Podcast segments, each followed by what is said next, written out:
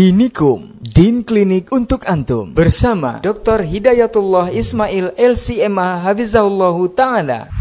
Assalamualaikum warahmatullahi wabarakatuh. Bolehkah kita mengikuti kegiatan tahsin akhwat atau ibu-ibu tanpa seizin suami? Karena ketika dimintai izin, suami tidak mengizinkan dengan alasan perempuan kan tidak boleh keluar rumah. Lebih baik berkegiatan dan mengikuti tahsin di rumah saja. Nah, Ustaz. Secara umum bahwa ketaatan kepada suami itu adalah sebuah kebaikan. Dan jika suami melarang kita dalam sebuah kebaikan, maka ini juga menjadi perkara yang mesti kita ketahui. Seorang istri pertama harus menyampaikan izin kepada suami. Kalau suami melarang untuk mengikuti tahsin dengan alasan tidak boleh keluar rumah. Kalau hanya alasan tidak boleh keluar rumah, tetapi dia tidak memberikan solusi, ini juga tidak tidak baik kamu di rumah saja, abang carikan guru ke rumah, ini ini adalah solusi. Ini tidak ada masalah kalau dia larang kita. Tetapi kalau seandainya suami melarang tanpa ada alasan, yang penting kamu tidak boleh tasin, tidak boleh keluar rumah, yang mana kamu harus di rumah saja. Ini tentu perlu didiskusikan dengan cara baik. Dan seorang suami harus tahu, di antara tugas mulia mengajari istri. Kalau Anda tidak punya kemampuan untuk mengajari, maka Anda bantu istri. Oh, di antara hak istri itu adalah mendapatkan bimbingan dan pendidikan. Anda kita tidak mampu mendidiknya, mengajarinya, maka